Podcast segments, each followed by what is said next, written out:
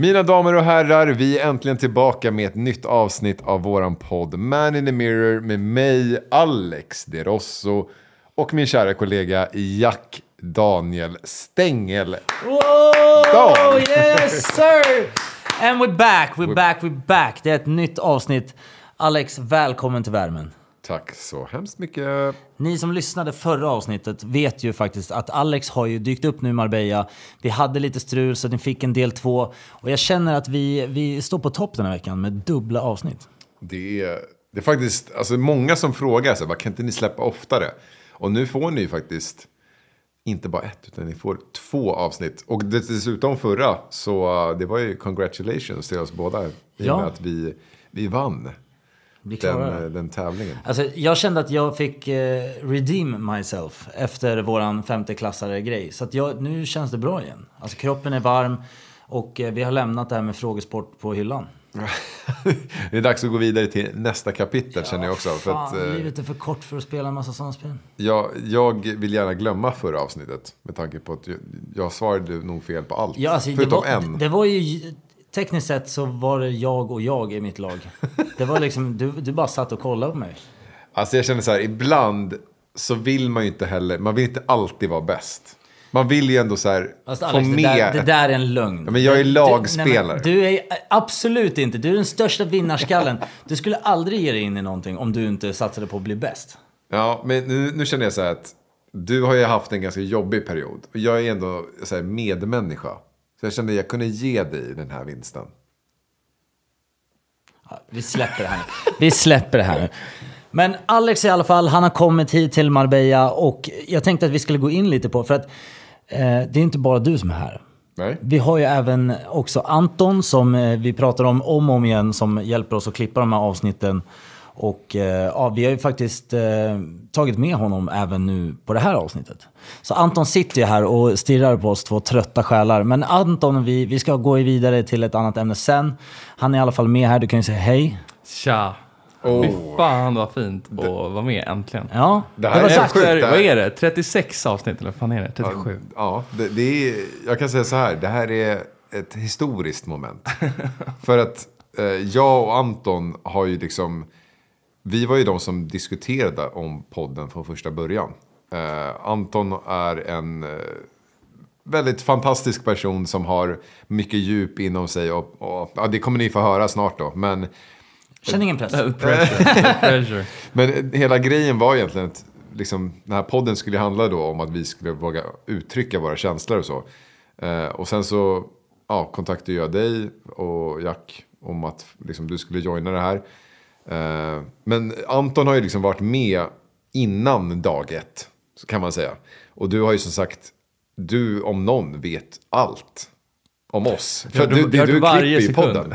Alltså, du vet Alltså, mer om oss än vad vi vet. Anton kommit på, han har kommit på typ 80% av alla ämnen.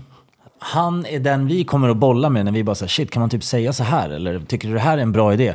Så kommer han att styra upp och eh, rättar oss i alla gånger som det blir fel. Och det är, det är mer än tre, jag lovar. Eh, men, och det känns bara nice att sitta här då med honom. Så han, han kan ju liksom... Han kan vara lika öppen och sårbar som vi i det här avsnittet känner jag. Och han är nog den enda människan som kan få ut oss och komma in tillbaka till varför vi också ja, men startade podden. Liksom. Ja.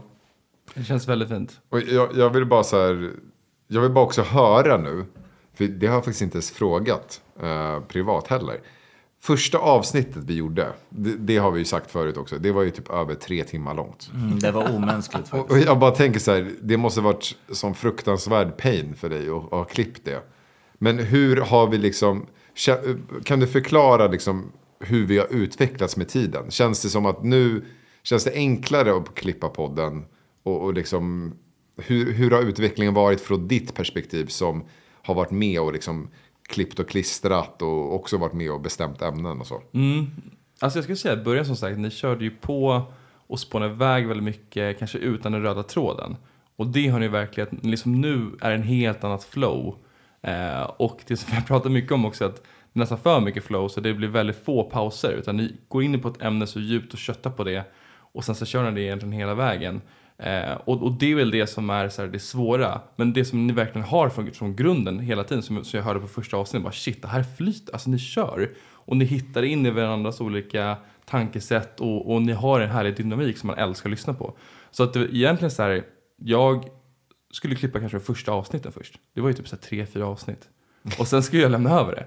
Men jag bara, fan, jag, vill, alltså jag tycker det är så kul att lyssna på er och eh, typ era tankesätt och, och det ni liksom, jag vet inte, ni, ni kompletterar varandra på ett väldigt nice sätt. Och jag bara, jag kan inte släppa det, jag måste på något sätt vara med.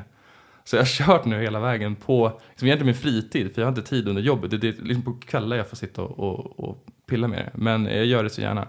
Och det vi ska säga också att, att eh, utan Linnea, vår andra som var med och eh, frågade ut er till exempel förra Ja, avsnittet. exakt. Hon, utan henne skulle det vara väldigt, väldigt svårt för hon, hon har verkligen styrt upp och gjort det fantastiskt bra också. Så det, det känns, eh, känns som ett bra team allihopa. Alltså jag känner att det, det här är ju värt en applåd. Ja, verkligen, Det, fan, det var verkligen. vackert. Otroligt, otroligt. Nej men jag, jag bara typ så här. Det här var ju typ den finaste komplimangen någonsin. Alltså att så här. Att någon som vill göra det här på fritid. Alltså lägger de här timmarna som du gör. För att lyssna på våra jobbiga röster. Och du, och du liksom gör det Jo. med glädje. Det är, Och, och samtidigt så, det, det, det ska man ju göra hoppas jag. Annars satt vi här och gjorde någonting urdåligt. Men, Mm. men det är kul att... ehm, Jo men det är skillnad att lyssna som en lyssnare. Absolut. Än att sitta och faktiskt lägga ner all den här tiden och jobba med det.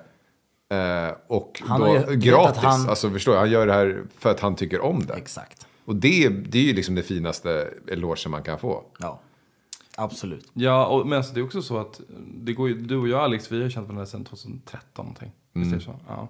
Och- Shit, en evighet. Ja, det är verkligen länge sedan. Nej, och jag tror att vi har haft mycket dialog om det. Och sen så känns det så jävla kul att från, du vet, redan då var vi måste göra någonting, någonting kreativt. Oavsett om det var musik eller annat. Så känns det också fint att så följa med hela den resan. Framförallt när du kom in Jakob, verkligen var den här kompletteringen som jag tror verkligen behövs för att det ska bli en bra innehåll och bra podd. Liksom. Eh, och det känns ju jävligt spännande. Så här, men fan, det här kan man inte bara släppa. Det är ju jävligt kul att vara med hela vägen. Så ja, det är jävligt, det är, liksom, det är mycket tid men det är jävligt kul.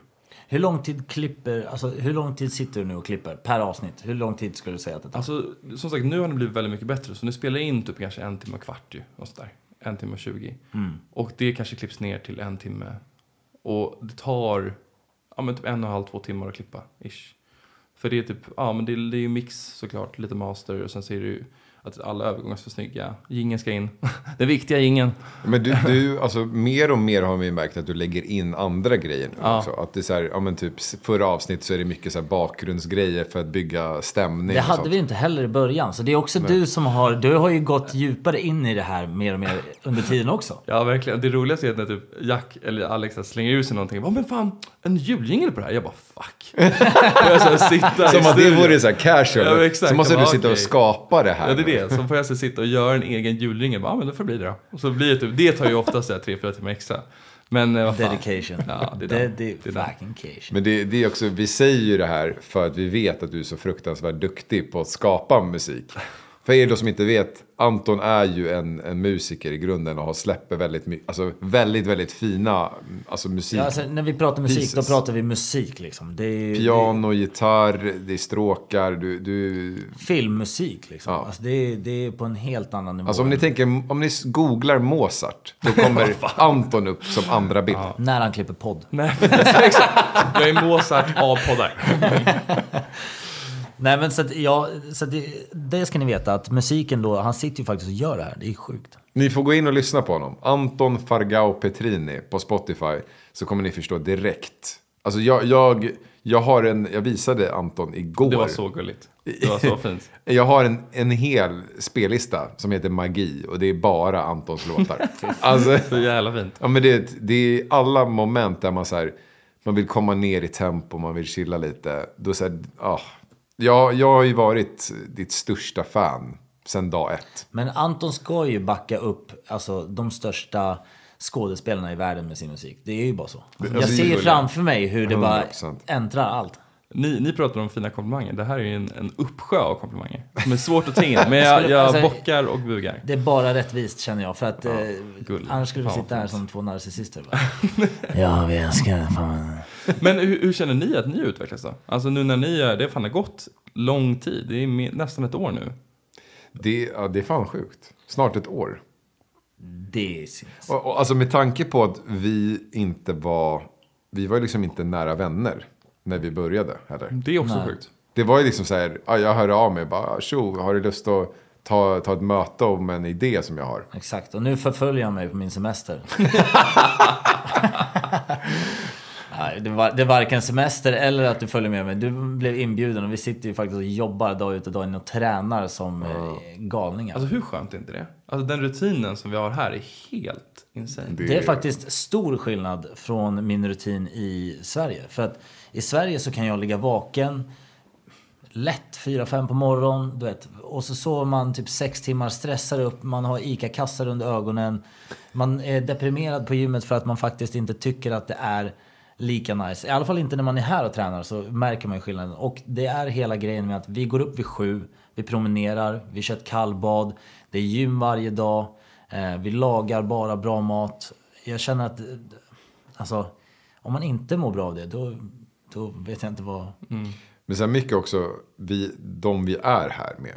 Det är ju ett kollektiv av brilliant minds. Alla är liksom duktiga på sitt sätt. Eh, alla är jätte, alltså bra människor. Alltså alla tycker jag som är här har bra värderingar och alltså är bara allmänt grymma. Alltså jag vet inte, jag är inspirerad av alla som är här. Jag håller med. Och, Mm. Nej, men och absolut. en sak som jag är väldigt imponerad över med Jack är att alltså i, eh, i det vanliga livet, som du säger, alltså det, det är ju inte jätte sällan du kan missa vissa tider och så vidare. Nej, Men du det- är så det jävla strukturerad här. Alltså, du är den som väcker alla. Du är den som säger, ja men nu går vi kallbadar, nu ska vi laga mat, vi handlar. Du vet, det är en helt annan Jack. Det är fan, det är jävligt kul att se. Ja, men, och jag känner ju att jag har legat lite på, på slacking-sidan ett tag. Jag har ju verkligen... Eh, ja, men min rutin har inte varit bra alls. Jag har inte haft någon glöd. Och så, det var ju typ hela anledningen varför vi åkte hit. Var för att jag har känt att jag har inte haft koll på mig själv. Var- Jag har fått saker att gå runt och det, det har funkat. Men det, det har inte funnits någon, någon eh, liksom, entusiasm och, och glädje i det. Och bara så här, shit vad jag älskar. Idag ska jag göra det bästa av allt. Det var länge sedan jag kände så. Och det var typ därför vi åkte hit. För att få det att komma tillbaka. Och den här rutinen tror jag är början. Att göra den disciplinen och försöka faktiskt se det som en utmaning och en rolig grej. Att det inte ska vara jobbigt. Och jag tror att det är det som också ändrar det. Att det är enkelt att kliva upp på morgonen och så här, för mig att väcka er och ha koll på tider. Och så här, man, för man, jag är så hungrig på att få den rutinen att funka och komma tillbaka till Sverige och känna samma sak. För att då är man ju sitt bästa jag. Och det känns verkligen. Man, man märker av det. Det är det. Och då kan man ju liksom... Efter det, då känns ju ingenting omöjligt. Och man, jag tror att man blir mycket mer effektiv. Du, liksom, all stress och, och ångest och såna här grejer tror jag är... Du har, du har fan inte ens tid med det. Alltså, du kliver upp och så har du rutiner och alla saker som du ska göra. Varje dag känns som att, att de bara flyger förbi. 100 procent. Ja, Nej, jag, jag, jag håller med Anton. Alltså, sen är det också så här, visst när vi spelar in podd, när, när vi ses i Stockholm.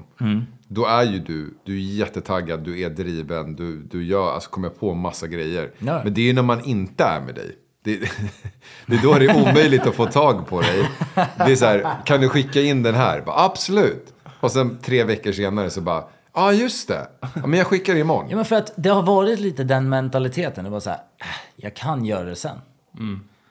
Och, eh, och jag har ju märkt själv att det där är, det är, det är ingen människa jag vill vara. Eller jag vill inte bli den personen. Och, eh, eh, så att det här tror jag är verkligen vändpunkten för att bara så här, nu jävlar. Fan vad fett. Men jag tror, jag är ju själv ingen person som är bra på att hålla det- tider och sånt. Jag men, tänkte eh, säga att du kastar mig över en... eh, Nej, men jag, jag, jag ville slänga in det bara så att det inte det låter som att jag...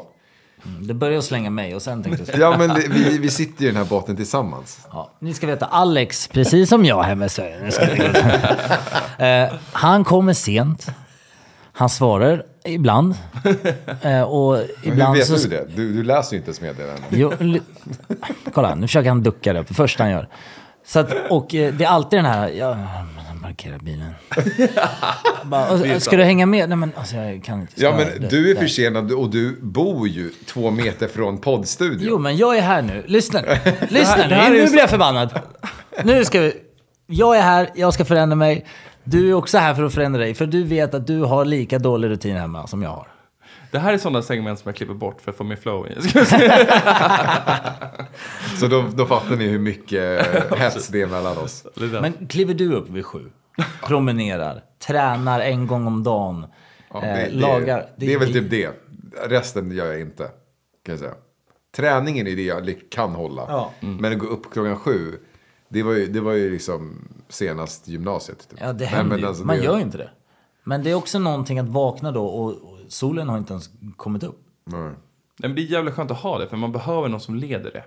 För att annars skulle det lätt bli att man går upp vid typ halv nio, börjar jobba och sen bara är man lite segstartad. Istället nu så här, vad fan det är en jävla...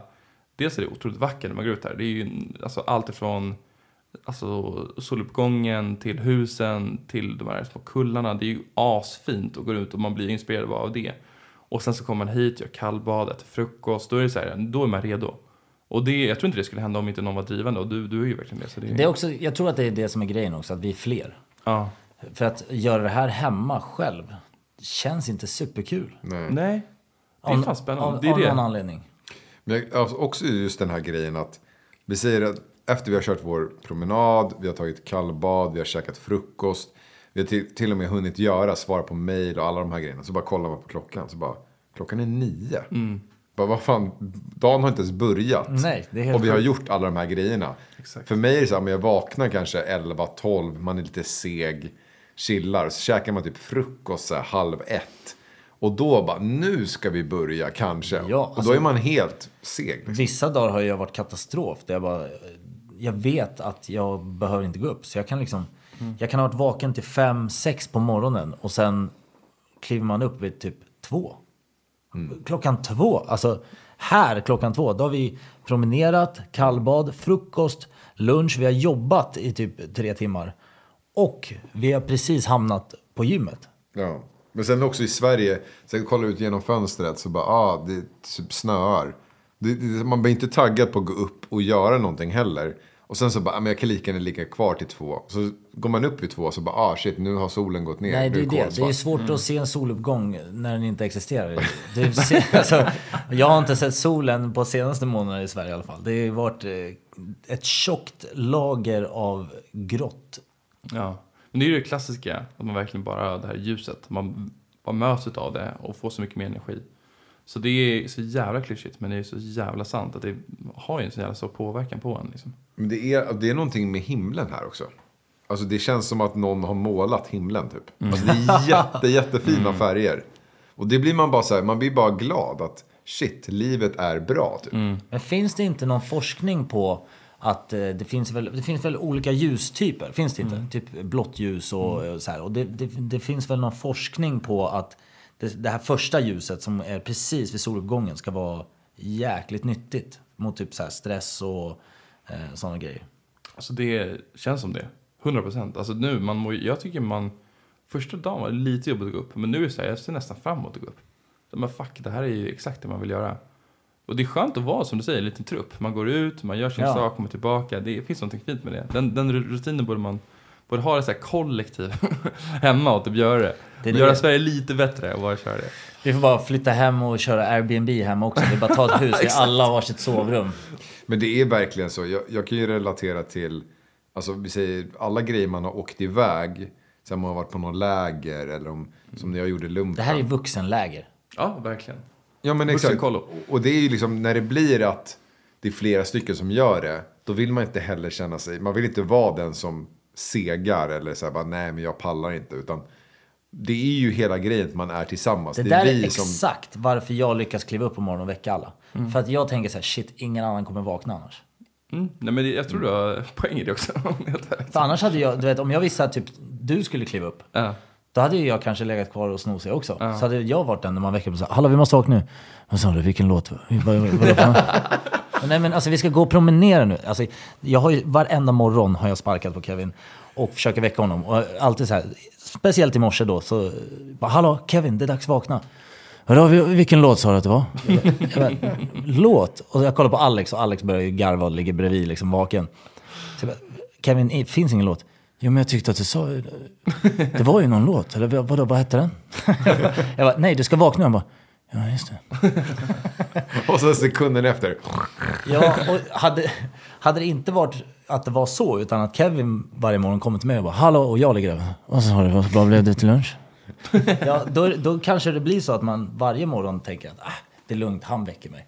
Och då slappnar man av. Och Men det är lite så det har blivit. Du har ju tagit taktpinnen. Det är Ja. nice. Det är nice. Skönt, jag tog smällen. Exakt. ja, men fan fett. Det är nu jag vill också säga så här. För första gången. Det är dags för en. Yes! yes! Då mina vänner. Då är vi tillbaka.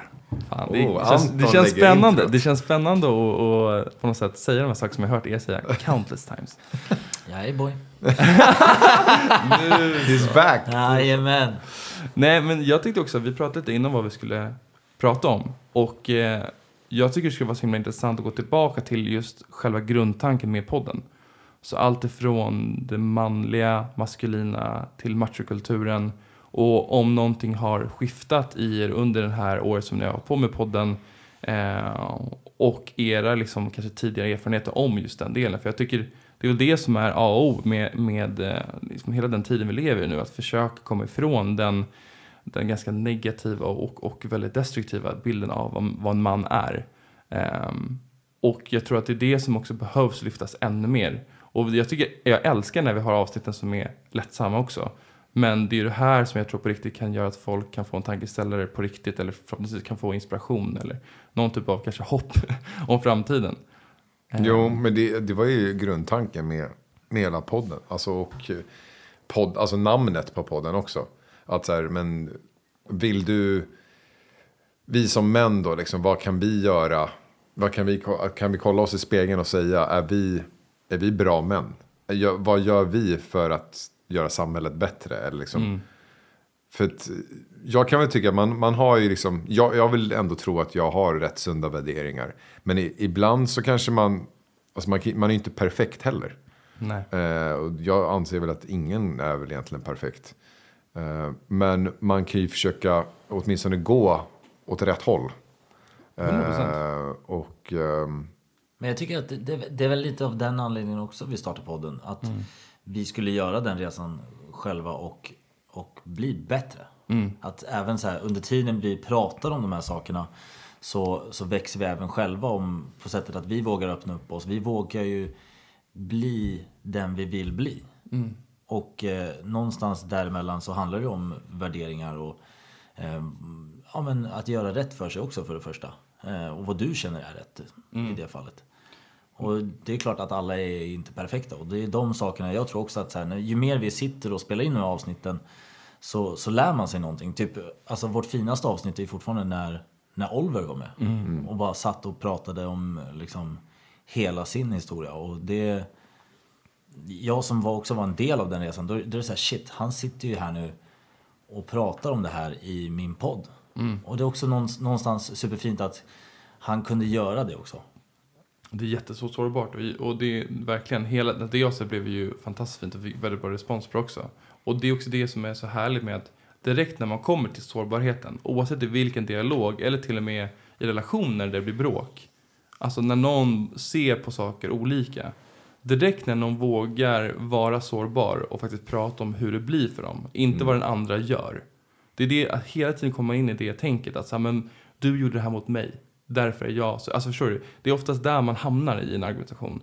Men istället då kan man försöka hitta den här sårbarheten och komma tillbaka till hur det blir för en. Och helt plötsligt upplever jag i alla fall att, att de, de flesta murarna bara försvinner helt och hållet. Man har inget agg mot den personen längre för att den har kunnat visa sig sårbar. Och det är lite det som händer också så här med hela machokulturen där väldigt många då ser män som där det inte ska vara liksom svaghet, där man inte ska prata om psykisk ohälsa eller där man mår dåligt. Helt plötsligt när en man gör det, men för mig, det smälter bara bort och jag vill bara typ finnas där för den personen. Så det, det är ju också det som connectar oss på ett sånt jävla fint sätt.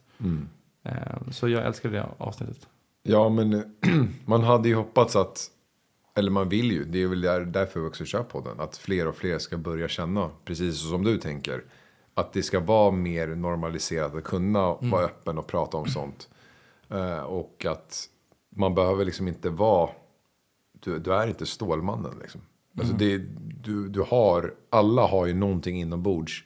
Som de antingen skäms över eller som de tycker är jobbigt. Eller som, de, alltså allmänt som är, man gärna inte vill prata om. Men vågar man då prata om det så blir man ju egentligen då starkare. I och med att så här, en stark person vill ju, alltså vågar utmana det som den är rädd för. Exakt. Inte att man typ hajdar det. Som är då machogrejen. Ja men du är tuff, du är stor och stark och hela den biten. Jag undrar hur det är för dagens liksom, ungdomar som växer upp nu. Om de känner samma press på det sättet än vad vi gjorde.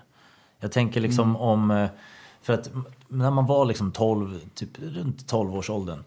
Så var man med liksom sina vänner i skolan så kunde det ju vara lätt att man bara föll för grupptryck och gjorde saker fast man inte ens tyckte att det var rätt. Men man vågade aldrig säga någonting för att du ville inte vara... Man lyssnade väldigt mycket på grupptryck och man vågade inte riktigt eh, säga ifrån och man vågade kanske inte säga vad man tyckte alltid för att eh, då var man rädd att bli väldigt dömd och eh, att shit, det är någonting fel på mig. Så här, ingen annan gör så.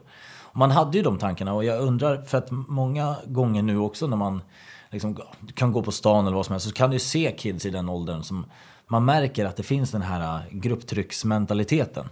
Men jag undrar om de har det, liksom, är det kanske mer förstående idag? Så här, telefoner och allting och att det finns en annan... De har ju tillgång till informationen. De, de kan ju lyssna på våran podd liksom. Ja. Men vi hade ju ingen sån. Nej. Det fanns ingen podd som vi bara kunde lyssna på. Bara, Hej, shit, här Det, det jag är säger något." orolig över är att alltså, man vill ju se det positivt med soci- alltså så här att det finns eh, internet och kunna söka på grejer och sådär. Men jag tror att i många fall så används det till fel syften. Att så här, det kanske blir ännu mer att ja men shit, han har följare eller han lägger upp de här bilderna. Och det är enklare då att typ mobba och sånt. I och med att Ja, men säg, jag vet ju flera kids som kanske har, skaffar en YouTube som vill lägga upp bilder, alltså videos på sig själva. Eller TikToks. Och sen så kanske bara, aha, kolla. Fan vad löjlig han är som står och dansar sådär typ. Mm. Nej, men jag, jag tror verkligen det finns både och. Jag tror det finns många som kan hitta ett sammanhang snabbare. Och så finns det de som kanske absolut hamnar liksom under bussen. Men jag tror att allting handlar egentligen om för att när man är barn och när man är ungdom så är det ju att det värsta som finns är att bli utfrusen av en flock, liksom ens, ens närmsta krets. Så det är så himla basala eh, behov som man har som barn. Så därför tror jag det alltid kommer vara en sak oavsett vilken tidsålder det är. Liksom. Men det är det, för i den åldern då är ju liksom vännerna är ju allt du har. Ja, gud ja. Du, du, du förstår ju ingenting annat. Det är, Nej. liksom, det är det som spelar roll. 100 procent. Och därför är det, desto mer man växer upp, för att egentligen allt som har med macho och eh, ja, ing, alltså när man inte kan vara sårbar, när man inte kan förstå sina rädslor, när man inte kan förstå liksom hur man fungerar. Då är det ju egentligen, det enda hotet är ju, det är inte så man kan säga att nu ska du vara sårbar. Nu ska du helt plötsligt bara slå på en switch här och du ska vara sårbar. Utan det handlar om en inre mognad och inre jobb för att faktiskt hitta eh, verktygen för att kunna vara det. Och det måste man också hjälpa, man måste läka relation till andra. Så du måste ha vänner runt omkring dig som kan öppna upp. För utan det är det ju otroligt svårt att bara, ah, men nu ska jag bestämma mig för att vara sårbar. Men hur fan gör man det då? Eh, och det blir, alltså förstår du? Mm. Eh, så det måste ju finnas ett, ett forum där man känner sig trygg och kunna göra det. Och det hoppas jag att det blir bättre och bättre med, med, med åren. Men hur fan? Jo men det blir, alltså ju fler som vågar ta det initiativet. Att vara sårbara. Kommer ju göra att det blir mer och mer normalt. Ja men exakt. Eh, och jag tror att vi går ju i rätt riktning. Eh, det har blivit väldigt, alltså i och med att media har tagit upp mycket om det här med ja, men, allt ifrån metoo liksom. Och, och framåt så är det liksom, det blir mer och mer tabu, alltså tabu att vara den här hårda tuffa killen. Exakt. För att du blir mer straffad utav det idag. Ja. Eh, folk tycker det, det, liksom, det börjar försvinna. Att så här, det, det är inte coolt att vara den personen. Nej. Eh, sen, vet jag, alltså, sen vet man ju inte hur, liksom, hur, långt, hur långt vi har kommit och hur långt vi kommer komma de kommande åren. Men det känns ändå som att de senaste åren har varit väldigt så att det har blivit mer normalt att våga vara en sån Verkligen. person. Men kan vi inte försöka göra ett litet eh, test nu? Okej? Att vi eh, försöker komma på typ tre saker som i typ vår ungdom eller de senaste åren i framförallt relation till kanske andra män men även flickvänner. Eh, alltså beteenden som är kopplat till just machokulturen eller typiska så här, maskulina delar som vi gör typ per automatik men som vi kanske i efterhand nu ser på vad fan det här, det här var inte nice. Mm. Som vi, man själv har gjort då eller? Ja, man kan ha sett på andra också men kanske bäst om man, om, om man hittar det själv. Jag, jag har en som jag har tänkt på som verkligen så här, fuck det här var, det slog mig som en jävla käftsmäll när jag förstod att jag gjo- gjorde så här. Ja. Det är kontinuerligt under en längre tid, när, när jag, ja, det var typ från jag var 20 till kanske 25, alltså när man börjar bli så här ung vuxen. Då var jag i en, i en längre relation också och jag märkte att eh, när hon pratade om problem, alltså sina problem som hon hade, det första jag gjorde, det kom med en lösning. Alltså på en gång. Jag bara, men det är bara att göra så här. Gör så så kommer det bli bra. Och jag bara trodde att det här var det som skulle göra henne glad eller lycklig i det. Och det som verkligen slog mig sen, att det man egentligen gör, för man gör det som väl, alltså jag vill bara henne väl. Men det som händer är ju att du egentligen förminskar hennes problem. Det blir ju att hon säger någonting som hon har burit på, som hon tycker är jätte, jättejobbigt. Så jag bara, men gör bara så här så löser det sig. Men det är en typiskt manlig Det, grej. är- alltså, det är är ju typiskt verkligen- manlig grej som är typ alla killar gör. Det är det man kallar för mansplaining, eller? Nej, mansplaining, det är det när, när man förklarar något som är så självklart. Okej, ja. Som den andra personen ska kunna. Typ så här, ja men, ja, typ om du lägger in va- vatten här så förstår du, blir det is. Om du lägger i, ky- i frysen då blir det is. Hon bara, ja men jag visste det. Jag bara, Mm. Okej, ja. men du. det är väl den. Ehm, nej men och jag, jag det blev så jävla tydligt för hon sa det en gång, men alltså du, du kan inte bara komma med, med en lösning för jag, alltså, då skulle jag, egentligen kanske jag bara vill bli hörd. Jag vill kanske bli lyssnad på. Och det kanske inte är en lösning jag behöver utan det är bara så här, men allt ifrån att bara få bli hållen i de känslor som hon känner och bara kunna få vara i det utan att jag bara, men då löser vi det. Förstår du? Det är så himla, det är så orienterat på att det ska bli bra, att vi ska, alltså det, det är ju från födseln, vi är liksom programmerade på att fan, vi ska lösa saker. Ehm, så den har jag verkligen känt på, den måste jag få bort. Och jag känner att jag ibland kom in den, fortfarande i den rollen. Men desto mer och mer att man har den, när man förstår det så tycker jag det är enklare att kunna jobba med det också. Men det, det misstaget kan man ju också lätt göra, inte bara på sättet att man liksom... För det finns också vissa som, när de hittar den här och ska försö- försöka vara lösningen, så pratar de ju inte ens. Utan de bara, de bara säger ingenting och, och, och bara gör. Ja. Och så hittar du på någonting för att få det här att bli bra. Och så tror du att du har löst allting genom att du kanske, ja men, eh, man kan bråka om kanske eh, städning och disciplin och grejer. Så städar man en gång och sen, vadå, nu är det lugnt. Vet. Och man förstår inte grund och botten problemet. Ja, verkligen. Och det, det, jag tror att det är supervanligt. Det, där är, det är en till sak. Alltså jag kan ju, i, I mitt jobb så behöver jag vara ganska strukturerad, jag behöver hålla koll på saker. Men i mitt privata liv så är jag ganska rörig. Jag gillar att vara ganska spontan. Allt från att laga mat, handla mat, alltså allt sånt vill jag göra på studs egentligen. Och jag märker i de relationer jag har haft att jag, jag har haft en tendens till att göra det väldigt, väldigt hafsigt. Och någon kanske vill ha det på visst sätt, en viss struktur. Och sen så har jag ju liksom eh, gjort det på mitt sätt hela vägen. Hon har stört sig väldigt mycket på att göra det på mitt sätt och det är väldigt hipp som happ. Och sen så löser det till slut. Med så här, men allting löser sig. Det, maten står på bordet nu till exempel. Och hon bara, ja, fast jag har gått igenom ett helvete. Och jag, men vadå, det är ju löst. Ja, men vad menar alltså, du? vad fan, det är ju löst. Vad menar du? Man, det, det blir ju kallt här. Du måste äta Och så nu. käka nu. Vad fan, vad klagar för? Så den, den har också varit ganska vanlig. Att man fan så här, ja men istället för att förstå att den andra faktiskt har tyckt det var jobbigt.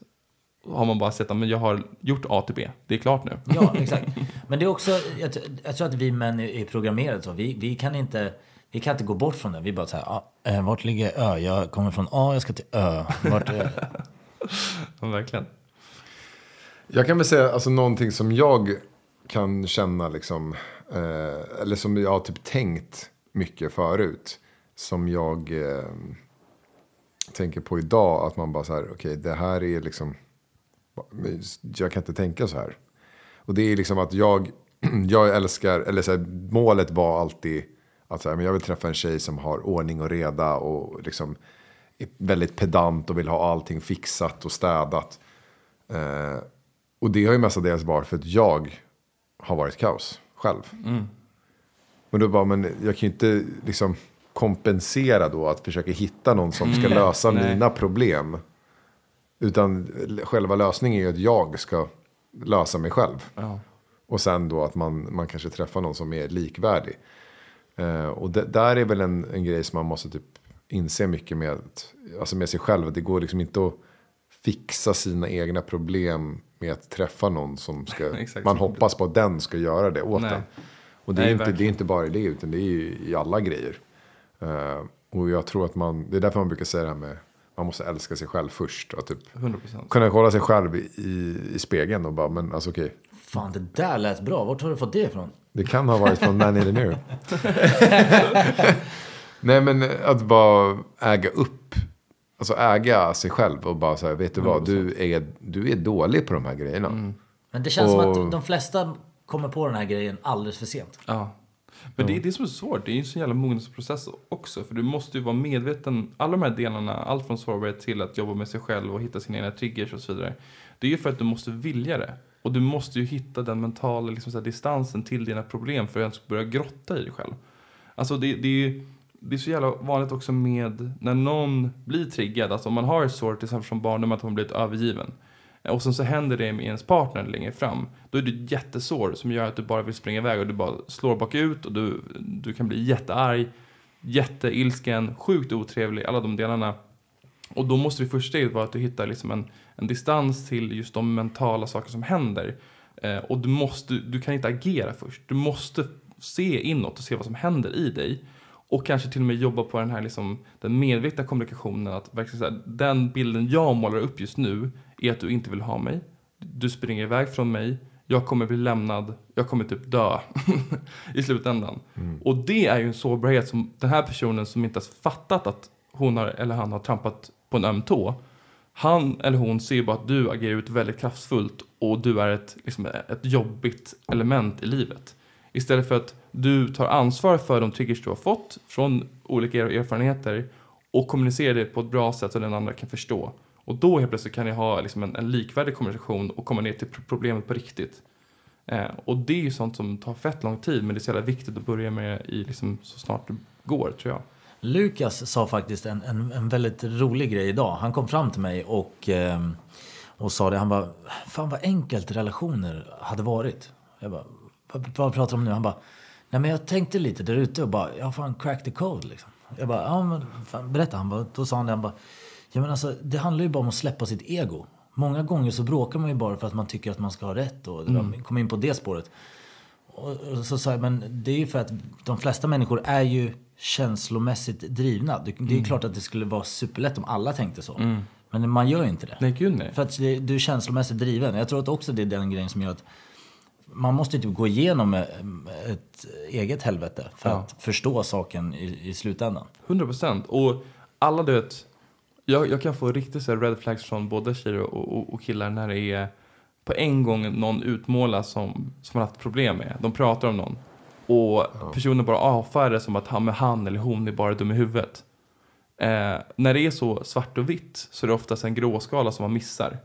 Just som du säger, så här, men det, det kanske inte var han som var helt dum i huvudet. Det kanske var en trigger som hände i dig och ni kunde inte lösa det. Alltså det oftast är det så mycket mer komplext än att någon är bara helt dum i huvudet. För att majoriteten av människor vill bara väl. Men det blir liksom clinchar i olika sår. Liksom. Eh, Men alla har ju en alltså, olika bakgrund. exakt. Och eh, det är ju, många har ju då som sagt svårt att öppna upp sig och prata om vissa saker. Så, och det är oftast de grejerna som är de jobbigaste för dem. Eh, vilket också är en stor del till varför de beter sig på ett visst sätt. Eh, till exempel en, en tjej som jag träffade för ja, ett x antal år sedan. Som eh, hon hade blivit väldigt dåligt behandlad av sitt ex. Och det hade varit liksom ja, allt ifrån att hon hade blivit liksom slagen till att han varit Wow. otrogen. Och det var liksom alla värsta tänkbara scenarios typ. Eh, och jag då var ju liksom inte särskilt bright, kan jag ärligt säga. För jag typ, jag bara, men jag lyssnade liksom, absolut. Men jag tog inte till hänsyn att hon kanske är då på ett visst sätt. Att hon tar åt sig av vissa saker. Att jag kanske står och, eh, liksom, om jag då, hon har, liksom, han var otrogen mot henne jättemycket. Och sen så typ träffas vi, vi var inte tillsammans men vi dejtade. Och sen så ja, står jag och liksom halvt flörtar med andra tjejer typ. Och det, Det blir för, för henne är det liksom det första hon tänker på shit, han är ju som mitt ex typ. Exakt. Exakt. nu är det kört. Och jag bara, men varför är du arg? Typ. Ja. Och jag bara, men vadå? Så här, Ja, du, som kop- att, du kopplar inte, du bara, men vadå? För att en person som inte har gått igenom vad hon gått igenom hade kanske inte reagerat på samma Nej, sätt. exakt. Men man har inte det till, man tänker Nej. inte på det. Liksom. Nej. Nej, det, är- det är jävligt svårt. Och det, det är också helt ärligt om man skulle vara krass så är det ju den personen som har såren som fortfarande har ansvaret att ta upp det på ett bra sätt. För att man det är helt omöjligt för en person att veta alla sår i den andra.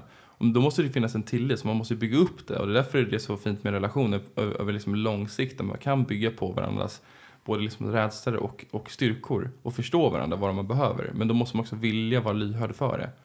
Eh, och det är en jävla pro- pro- process och det är typ det som jag känner är, är en stor uppförsbacke många gånger. Så här, shit, ska man börja från början?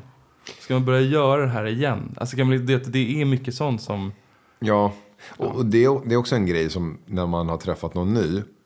Att jag, jag kan vara väldigt så här, jag kan bli lätt skrämd. För om, jag, om jag börjar träffa någon ny, att så här, känna, vänta, va? Hon börjar prata känslor direkt. Då blir jag så här, nej, nej, nej, det här funkar inte. Och Men så vill jag inte varför heller- tror du så då? Nej men för då, då, då vet jag att det kommer vara, det kommer vara väldigt mycket alltså, tuffa perioder. För att om hon pratar känslor direkt då är hon väldigt, alltså det har hänt mycket i hennes liv. Det är det som den första känslan jag tänker. Och det går jag väl mycket på att min erfarenhet av de tjejerna jag har träffat.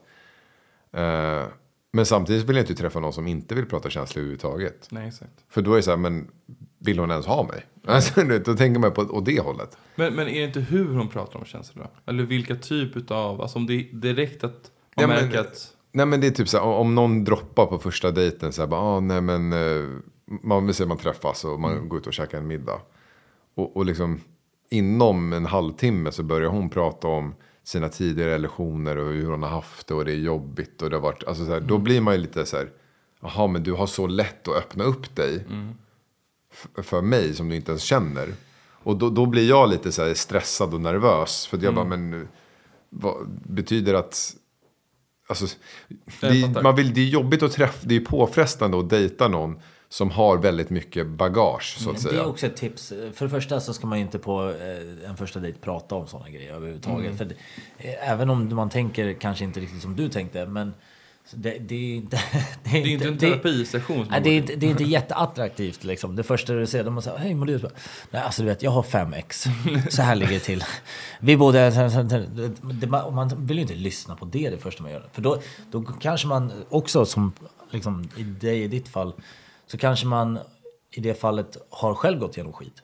Så då kan du bara, då blir det bara pajkastning. Då sitter båda och bara har sitt bagage och Ja, förstår inte varandra. Liksom. Men vad ska ni säga om vi går in på första dejt lite snabbt? Så här, vad vill ni ha ut utav en första dejt? Alltså som, som liksom, vad är samtalsämnen? Vad är så big no-nos? Jag, jag går mycket på, alltså har vi roligt tillsammans? För det är ju någonting som man alltid vill ha med sin partner, oavsett hur länge man har träffats. Man vill ju gärna att det ska vara så här, ja, men, om vi gör en aktivitet och vi har svinkul, då vet jag att vi kommer klicka bra. Eh, så att, nödvändigtvis för mig behöver inte första dejten handla om att man behöver gå så djupt, utan det är bara att känna, har vi samma känsla typ? Har vi... Sån middag har man ju suttit på när man inte har det. Och det bara känns som att man, man sitter bara och tänker på så här, shit jag måste säga någonting, jag måste säga någonting. Alltså, För att man har, man har noll vibe. vet. Man bara sitter Ja. och kollar på varandra. Och man bara väntar på att det ska sägas någonting som man kan connecta på. Men det händer ju inte. Mm. Så sitter man istället för sig själv bara så här, fan jag måste säga någonting bra, säg någonting bra. Men sen kan det vara vissa, alltså, jag kommer ihåg det var, det var en tjej, jag behöver inte säga hennes namn så, men vi... Men hon heter... Nej. Nej, vi, vi, var på en, eh, vi var på en efterfest. Eller Ja. vi var på en fest. Vil- Vilket datum, vilket år? Eh, Det var, det var onsdagen. Den, eh, ja, men, och vi hade inte snackat så mycket sen innan. Eller jag vet inte om, om vi hade pratat. Eh, men så, så blev det att vi satt kvar. Liksom, festen dog, alla hade dragit. Men vi satt kvar. Och sen så bara kom vi in på jättedjupa ämnen. Och bara shit, alltså satt uppe till typ åtta på morgonen och bara pratade. Och det var så här, du vet, otippat. Men fan vilken känsla man var. Och det första man tänkte på när man alltså så här, åkte hem då. Så var det bara, fan, jag vill träffa henne igen. Men Så det exakt. kan vara så jävla olika vad man liksom, vart man hamnar. Antingen kan det vara en, en dejt som man bara typ knappt har sagt någonting men vi har haft skitkul tillsammans. Eller så kan det vara en dejt där man pratar hur mycket som helst. Och vi har inte haft kul överhuvudtaget utan det har bara varit känslomässigt nice. Till åtta på morgonen går ju inte. Då missar man ju promenaden och kallbad. Någon måtta Nej men alltså jag håller med. Alltså, jag skulle säga att jag, jag har varit på dejter som jag ändå, där har tagits upp typ extra, har tagit upp jobbiga saker och bagage. Men jag har känt att själva connectionen finns där och då har jag inte tyckt att det varit liksom, avskräckande eller jobbigt. Nej, det, men det är också en sån sak. Man får ju känna efter. Där kan du ju liksom... Du kanske har en grym kväll. Så att, att kasta in de grejerna sen, senare på, på samma kväll för att man känner att shit, okej, det här är ju tvärlugnt liksom. Exakt. Då är det, det, det är en helt annan sak. Men att komma in det första man gör. Nej, det är det är så här- 100%. Och man hamnar i det läget som jag pratar om. Där man bara säger shit, jag måste säga någonting. Så bara... Ah fan alltså jag och mitt ex. Bara hallå, kom igen. det, var inte det vi skulle... Det är hellre att man vill att personen ska så här, vara intresserad både av en själv och att man själv ska vara intresserad av den. Så det liksom blir ett samtal om att upptäcka varandra istället för att så här, varför går det bakåt på en gång? Men vad har, vi, så. vad har vi för red flags då? Förutom den grejen. Eh, på första dejt. Mm. Eh, alltså jag, jag är ju väldigt avtänd på för mycket alltså, fylla. Om du blir för full, ja. Ja, att bli, alltså, blir du dräggig första dejten? Alltså, Nej, det, det går inte. Alltså, det är, Men om dejten var efter en dagsfest och ni möttes på en bar. Nej, jag skojar. Vad, sätter du upp för scenario? Jag skojar. Nej, men det, det är liksom... Jag vet inte, jag är själv sån. Jag, alltså när jag dricker, om jag blir... Jag blir aldrig dräggig på det sättet. Det är bara inte charmigt. Nej, det är det faktiskt inte. Och jag, om jag väl har blivit det så vet jag, fy fan vad jag skäms. Och det är så här, jag kan inte vara med, alltså jag vill aldrig vara med en sån person. Oavsett om det är första dejten eller om det är hundrade dejten. Så länge det inte har hänt någonting, alltså alla kan få en snedfylla. Nej, men det, Känns, det känns som en... Då finns det ju någonting annat som är ett problem där. Om personen dyker upp på första dejten och super sig redlös. Liksom. Ja, verkligen. Då finns det ju någonting annat. Och det här grundar sig mycket i, för min del i alla fall, är att jag har jobbat som DJ och nattklubbschef och så. här. Så tjejer andas dig i nacken varje fredag. Jag har sett så mycket. Fulla människor. ja, och, och det är, det, jag blir så här, om jag ser någon som är typ nykter ute, jag bara shit, Nice. respekt. Liksom. Det är bara, Och då blir jag direkt så jag bara, men, Uff, hon har nog tagit bilen, hon kan köra mig. nej, men det, det för mig är liksom, ja, men hon har self, alltså self-control liksom. Och det, disciplin tycker jag är, det är väldigt attra, alltså, attraktivt. Kolla, kolla på Jack. Vet du. Ja, exakt. Upp åtta och Det är, nu smeker jag honom här. Nej, men jag håller med. Vi måste ha en paus. Jag har spårat. Det är eskalerat. Okej, men vad är du då? Red flag? Ja, jag försökte tänka också om jag har någonting utöver det som är så här solklart. Men eh, nej, jag kommer inte på någonting så här. Jag har en. Mm, Berätta. Attityd.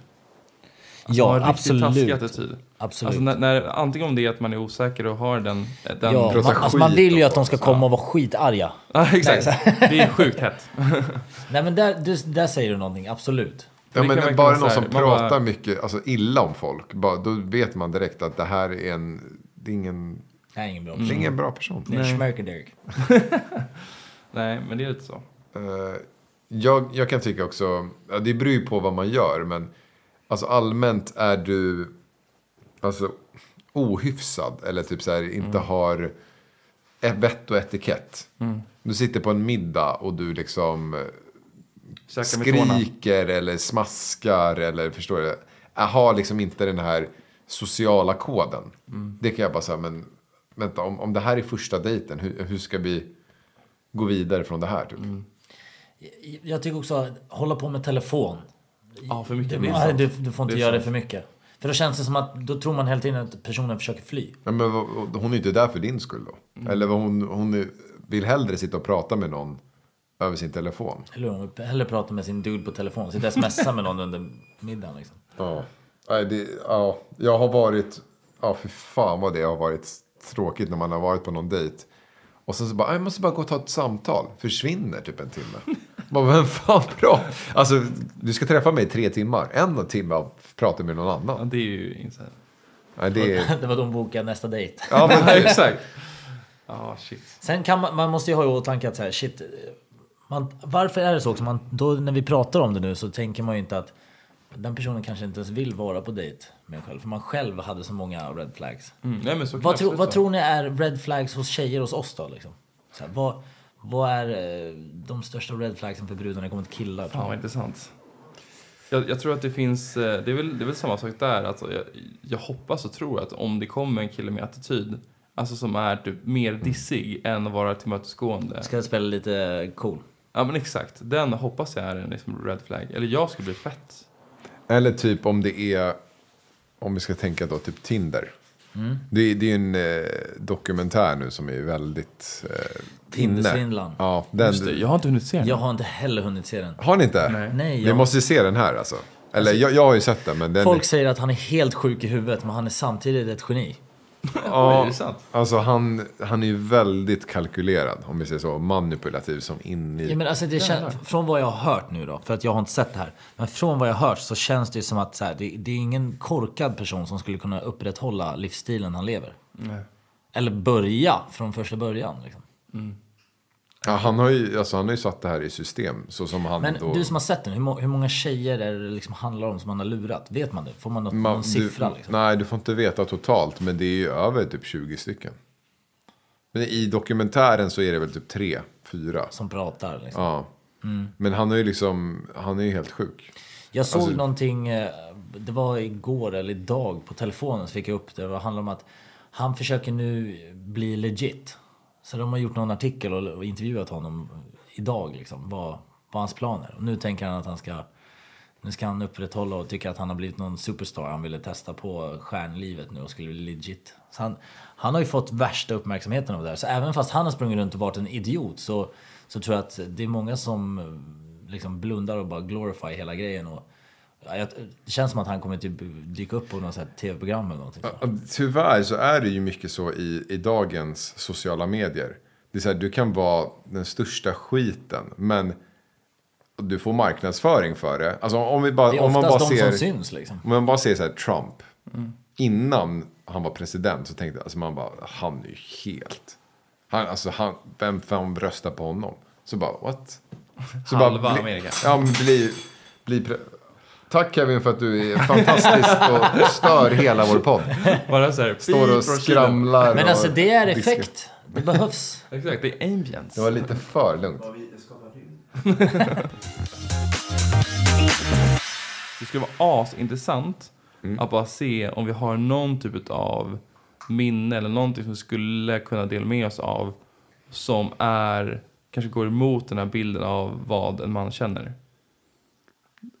ha, har vi något sånt på Alltså, lager? hur menar du? Att, Typ en situation, ehm, ett ställe i livet där man verkligen var Sårbar. nere, ja, eller nere på ett sätt som verkligen var riktigt jobbigt. Och kanske där man inte hade någon att vända sig till. Där man, där man gick igenom någonting själv som man kände så här, fan det här är tungt och jag vågar inte riktigt prata om det. jag kan faktiskt säga så här att det var, det var en tid nu. Då när vi hade vår paus. Just det. Och vi, prat, vi tog aldrig upp det. Jag vet inte varför vi aldrig gjorde det. Nej. Jag hade faktiskt så här. Det var, det var ändå perioder där, där vi inte hade podden. Det har säkert lite med att vi inte körde också. Att man inte fick prata. Och jag kände mig, alltså jag kände mig extremt ensam. Och det var, det var faktiskt hemskt. För att jag, jag typ aldrig känt den känslan. Då fick man ju inte tag på det ens. Nej, men- det var fan svårt. Nej men jag, jag bara, nej det går inte. Och jag, jag kommer ihåg, jag, jag gick till gymmet bara för att ha liksom en, någonting att göra. Och jag, jag, jag glömmer inte det, det var så sjukt. Jag, jag körde bänkpress och sen så bara satte jag mig upp och, och det bara började rinna. Alltså jag, jag bara grät. Och det är liksom, folk går förbi och bara, är det okej eller? Och jag bara, det, jag såg dem inte ens. Alltså de bara så här försvann framför mig. Och jag tror mycket också var då, jag, jag lyssnade på eh, jag lyssnade på Framgångspodden när Ash, eh, Aviciis manager, hade gästat. Och så lyssnade jag även på när Samir gästade. Just. Eh, och båda de, det var precis under den här perioden, och båda de sa typ liknande saker. Att de nådde toppen. Och, och, men de tappade allt typ. Eh, och att de kände ingen mening med livet. Och, och det, så här, de ville bara stänga av allt. Och då bara kände jag typ igen mig på något sätt. Och jag vet, det var inte så att jag hade nått någon topp eller så, men hela grejen just då, kommer jag ihåg, var bara så här, man kände sig bara, det var bara tomt. Jag bara, Och jag tänkte bokstavligt så här, vad, det är så sjukt att tänka så, men jag bara, om jag, om jag sitter nu här och kör bil hem från gymmet, vem skulle bry sig om jag bara, alltså det är bara ett, liksom ett lite ratt mo- moment, eller vad säger man, som jag bara kör över på andra sidan. Och då, ja, kör du i 110 och frontalkrockar så är du ju borta liksom. Ja, fy fan. Eh, och man verkligen bara så här, eh, jag tror inte att folk kommer bry sig. Den är tung. Den är riktigt jobbig. Då är man ju liksom... Att vara på en plats där de tankarna är vad som kommer upp i skallen och allting. Då är man ju inte på en bra plats. Liksom. Nej. Och jag, jag tycker alltså, de gånger i livet där man verkligen har varit nere på botten och där man verkligen har känt de här riktigt liksom, djupa ångestdelarna. Jag har märkt att det som verkligen fungerar, det är att tvärtom vad, vad hela den här machogrejen är, är att man säger, men vi går ut och festar, vi gör någonting kul, vi tar bort det. Allt det där som man typ hör hela tiden. Istället för det att man faktiskt låter sig vara i det jobbiga och låta det få ta plats. För det kommer inte liksom försvinna bara för att du går ut en kväll. Tvärtom, du liksom fyller på med någonting annat. Och jag tror det som är så jävla viktigt. Så här, om man låter sig själv bara vara i de jobbiga tankarna och sen försöker börja placera in vart ifrån de kommer. Alltså vad härleder de till? Den här ensamheten, vad, vad, vad kommer det ifrån? Eh, då hittar man liksom ett mentalt mönster som sen går att applicera i andra situationer också. Att när man väl har sett de här små vägarna i liksom det mentala spektrat och veta då så okej men den här känslan av ensamhet kommer från de här minnena. Och bara den, den kopplingen när man vet var det kommer ifrån gör det enklare att hantera det. Och jag tror väldigt många struntar i att försöka hitta de mentala kopplingarna och mer gå på att i stunden göra saker enklare genom alkohol, genom Det är bara fest. genvägar. Liksom. Ja, det är Ja, det, genvägar. det är att fly. Liksom. Exakt, det är verkligen att fly. Och det är fett lätt hänt, men det, det, det är väldigt Jag svårt. själv har gjort det tusentals gånger. Ja, gud, jag med. Och jag kommer förmodligen göra det igen. Men, man, men det är ju först det man går till. Så det, det är ju eh, det är fullt naturligt. Men, men det är ju sådär att, eh, igen, så här, att inte agera först, så här, hitta det här mentala stoppet och sen försöka placera in, vad kommer det ifrån? Vad kommer det ifrån egentligen? Och direkt tycker jag, om man kommer ner till kärnan i det, fan vilken lättnad det kan vara. Och bara få så här, men fan det är här, det är härifrån det kommer. Då är det så mycket enklare att hantera nästkommande situation där den känslan uppstår. För man vet vad själva Men härkomsten är. försökte du fly under den här perioden? Liksom? Vad, vad, var din, vad var din approach? Liksom? För att du har ju tagit dig ut därifrån. Men vad var din approach på hela grejen då? Alltså jag, det var, det var ju liksom att jag, jag kände typ en, hela sociala medier-grejen är bara, en, det känner jag ju fortfarande. Alltså det är en press. Man måste ständigt vara uppdaterad. Jag vill gärna vara den som svarar på så många som möjligt. Eh, man måste lägga upp eh, grejer. Om man inte lägger upp då plötsligt då är man liksom out of the game. Och, och det som är det tragiska är ju att man lever ju i sociala medier. Alltså mitt, det jag har gjort de senaste åren är baserat på sociala medier. Om jag inte lägger upp att jag är ute och DJar eller att jag gör marknadsföring för något företag eller så. Då finns jag inte. Och det, det är ju så jag får bokningar och allt. Och det, det är därför jag, det, jag känner liksom en sån här, det är någon magnetgrej att jag vill pusha det men samtidigt så vill jag inte det. Och hade jag inte varit beroende utav det så hade jag nog inte alls haft sociala medier. Så du ish lite går emot dig själv också varje gång du pushar. Liksom. Men det är som att försöka äta kakan utan att äta hela kakan. Ja, det, det blir ju lite så här, Det finns väl ingenting som bara är positivt. Där du bara, alltså det finns bara glädje i någonting du gör. Utan, vi säger, även träning, jag älskar träning. Men det är ju fortfarande jobbigt att göra Exakt. träning. Men jag tror också att i de flesta grejer så behövs det lite motstånd för att det ska vara någon sorts reward i det också. Det, det jobbiga då med, som jag tycker med sociala medier är att man är beroende av andra. Hade det bara varit som i träningen med själv, jag måste pusha mig själv till max för att få resultat. Alltså inga problem, jag är vinnarskalle, jag tar mig igenom det. Men när jag är beroende av att andra ska följa mig, andra ska gilla det jag gör för att det ska gå bra för mig. Du måste hela tiden bevisa det för folk som du inte ens vet vilka de är. Typ. Ja. Och, och det är tyvärr, bara, men man kan säga, men vad då? Det, det, det behöver du inte. Du är ju DJ, det, du kommer ju kunna få gigs. Ja, men just nu så är, alltså samhället ser ju ut så. Den som har mest följare, eller den som visar bäst content, det är den som får bäst spelningar. Exakt. För att folk, alltså jag kan ju tänka det själv också om jag går in och söker. Om jag, se, om jag ser en DJ, jag bara men den här har inte ens Instagram. Jag bara, vem fan är han? Alltså det, har, det kan ju inte vara någon stor. Det är ju första tanken man har. Ja. Så man baserar ju saker på likes och, och follows och det sånt där. Och jag tycker, det tycker jag är tragiskt egentligen. Och jag, Det värsta är att det kommer bara förmodligen bli ännu mer så alltså, hur, hur tog du dig ur hela den här grejen då? Vad, vad vart lösningen till slut? Liksom? Alltså, jag jag ska kolla min mobil, för jag kommer ihåg att jag visste så här, jag, bara, jag kommer inte komma ihåg det här. För att jag, allting var bara typ ett svart hål. Så jag har skrivit ner grejer, ska kolla om jag, om jag hittar det. Eh, för att jag, jag satt, jag kommer ihåg jag satt på gymmet, jag grät och så skrev jag. Jag bara, det här måste jag ta upp i podden. Samtidigt bara för att jag bara, annars kommer jag Förstår glömma du? Till det. och med då så tänkte du på dina sociala medier. Ja, exakt. Alltså det är Det helt... fan vad jag hatar sociala medier. Alltså det är, fan sitter där och gråter så bara Shit, där måste jag ha med i podden. Alltså, Det- Förstår du? Då är det ju skadat. eh, jag ska bara se. Mm. Berätt, du, Jack, du kan prata först. Berätta någonting. Så, ö- öppna upp det nu Jack. Ja. Utetemperaturen är 32 grader, det är skugga, det kommer vara lätt månsken. Men eh, du sa ju förut också att, att eh, du hade lite svårare att kunna öppna upp och att lätt har flytt in i saker. När vi Vad- började på den, tänker du? Ja, precis. Mm. Hur, hur känner du nu? att det har, det blivit enklare för dig att kunna vara öppen? Ehm, jag vet inte om jag tycker att det har blivit enklare. Jag tror mer att så här, jag har, jag har nog, det har blivit lättare för mig att se på saker annorlunda. Att så här, vissa saker som jag kanske inte hade delat med mig av för jag tycker att det var lite jobbigt.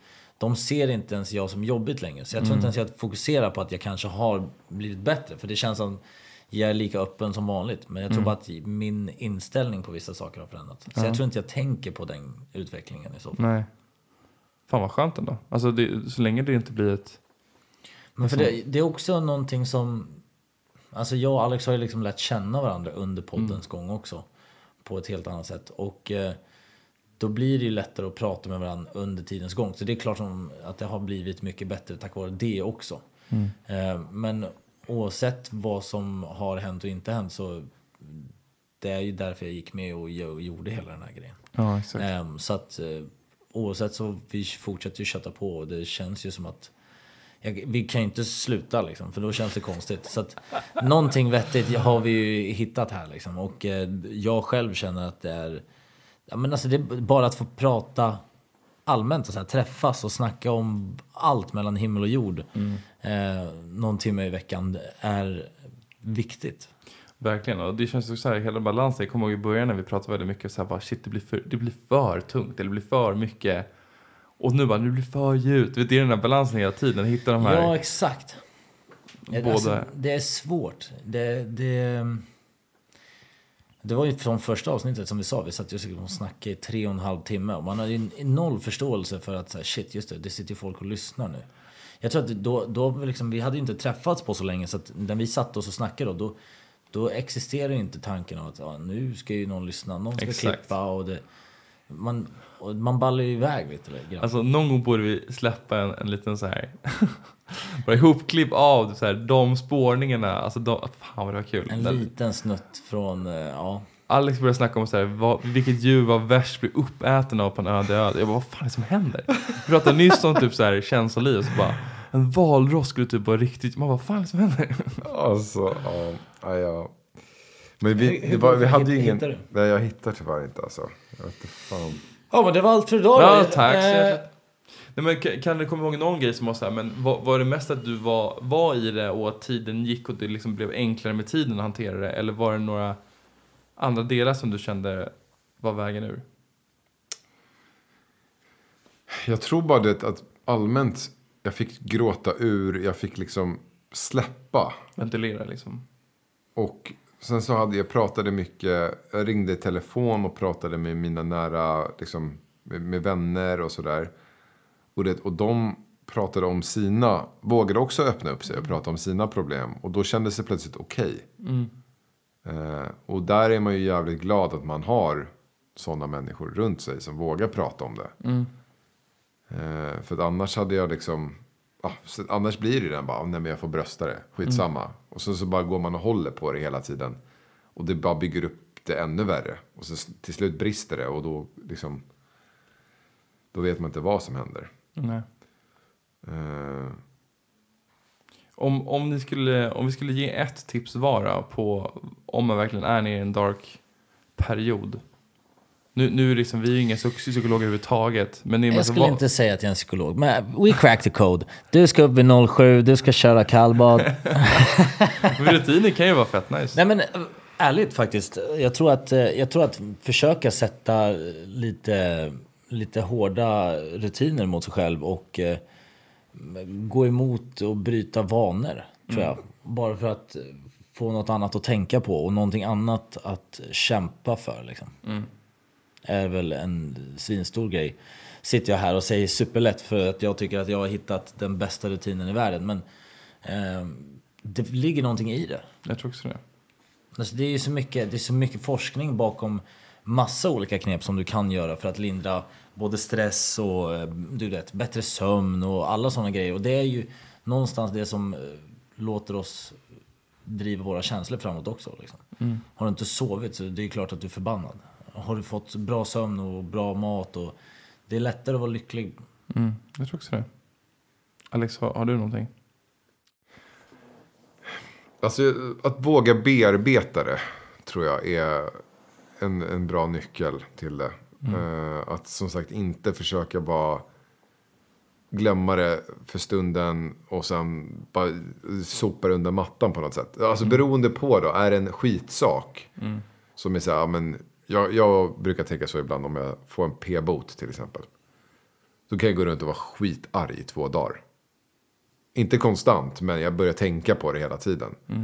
Och bara, va, alltså, va, jag har fått den redan. Och om jag redan har gjort misstaget, varför ska jag gå runt och må dåligt över det efteråt? Då gör det ju bara ännu värre. Då är det egentligen bara betala skiten och sen glömma det. Eh, och försöka hålla den här då, typ. Alltså, om det här inte påverkar dig inom fem år. Så behöver du inte tänk, mer, lägga ner mer tid än fem minuter på det. Nej. Eh, men är det någonting större, att det är någonting, alltså så här, någon har gått bort i ditt liv eller det är något, liksom, något stort som har hänt. Då tror jag man måste bara bearbeta det och, och liksom, du kommer behöva leva med det här. Och för, försöka inse det och inte bara liksom, "Ah, men så här, skitsamma, jag, jag, jag, nu måste jag må bra. Sen finns det ju alltid scenarion där du kanske du ska till jobbet. Eller så här, då kanske du inte kan sitta där och vara helt knäckt hela dagen. Utan då får du ju göra en sån, eh, liksom för stunden, hå- hålla humöret uppe. Men under andra tiden, ja, men försök att och liksom prata med nära kära. Eh, och liksom leva med det. Mer att så här, du kommer kanske inte må bra. Men det är okej. Den grejen. Och sen då, har du vänner som bryr sig om dig, som du kan prata med. Så förhoppningsvis har ju de då förståelse och, och så kommer de då också finnas där för dig. Och ni kommer kunna göra saker tillsammans. Och jag vet ju flera gånger det har hänt där man, jag har en nära vän som, liksom nära vänner som har gjort slut med någon. Och sen det kan ju liksom, man kan ju vara knäckt hur länge som helst för det. Gud ja. Och då gäller det bara att vara där och liksom, vad vet du vad, men det här, det kommer vara jobbigt nu. Du kommer sakna henne. Men livet går vidare. Och jag menar, det här var ju inte meningen. Alltså ni, ni två var inte liksom, Nej men det, det, det är en, en personlig grej också som jag har tyckt hjälpt mig. Och det är typ att få perspektiv på saker. Att så här, förstå att man kan i alla fall, man kanske sitter och kollar på någon dokumentär eller någon film eller någonting. Där man ser ett annat perspektiv på ett problem som du bara shit vad tufft de har det. Och så inser man själv att så här, wow, vänta, vad, vad sitter jag här och klagar på?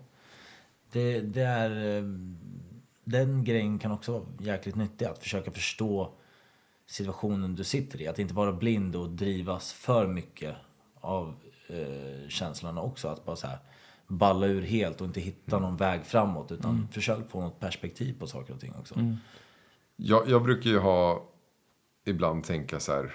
Eftersom jag, jag vill liksom. Jag har så många mål och så höga ambitioner. Så kan jag börja typ må dåligt i mig själv. Att fan.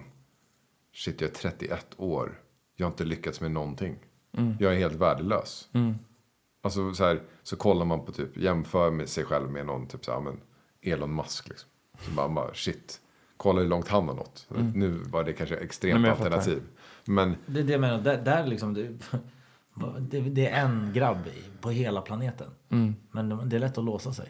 Och då, då brukar, det är kanske inte rätt att göra så, men jag brukar försöka tänka på folk som är i min ålder, som jag vet vilka, alltså så här, och jag bara, men, och så jämför jag med, jag bara, men vad fan, jag, jag har ändå kommit långt.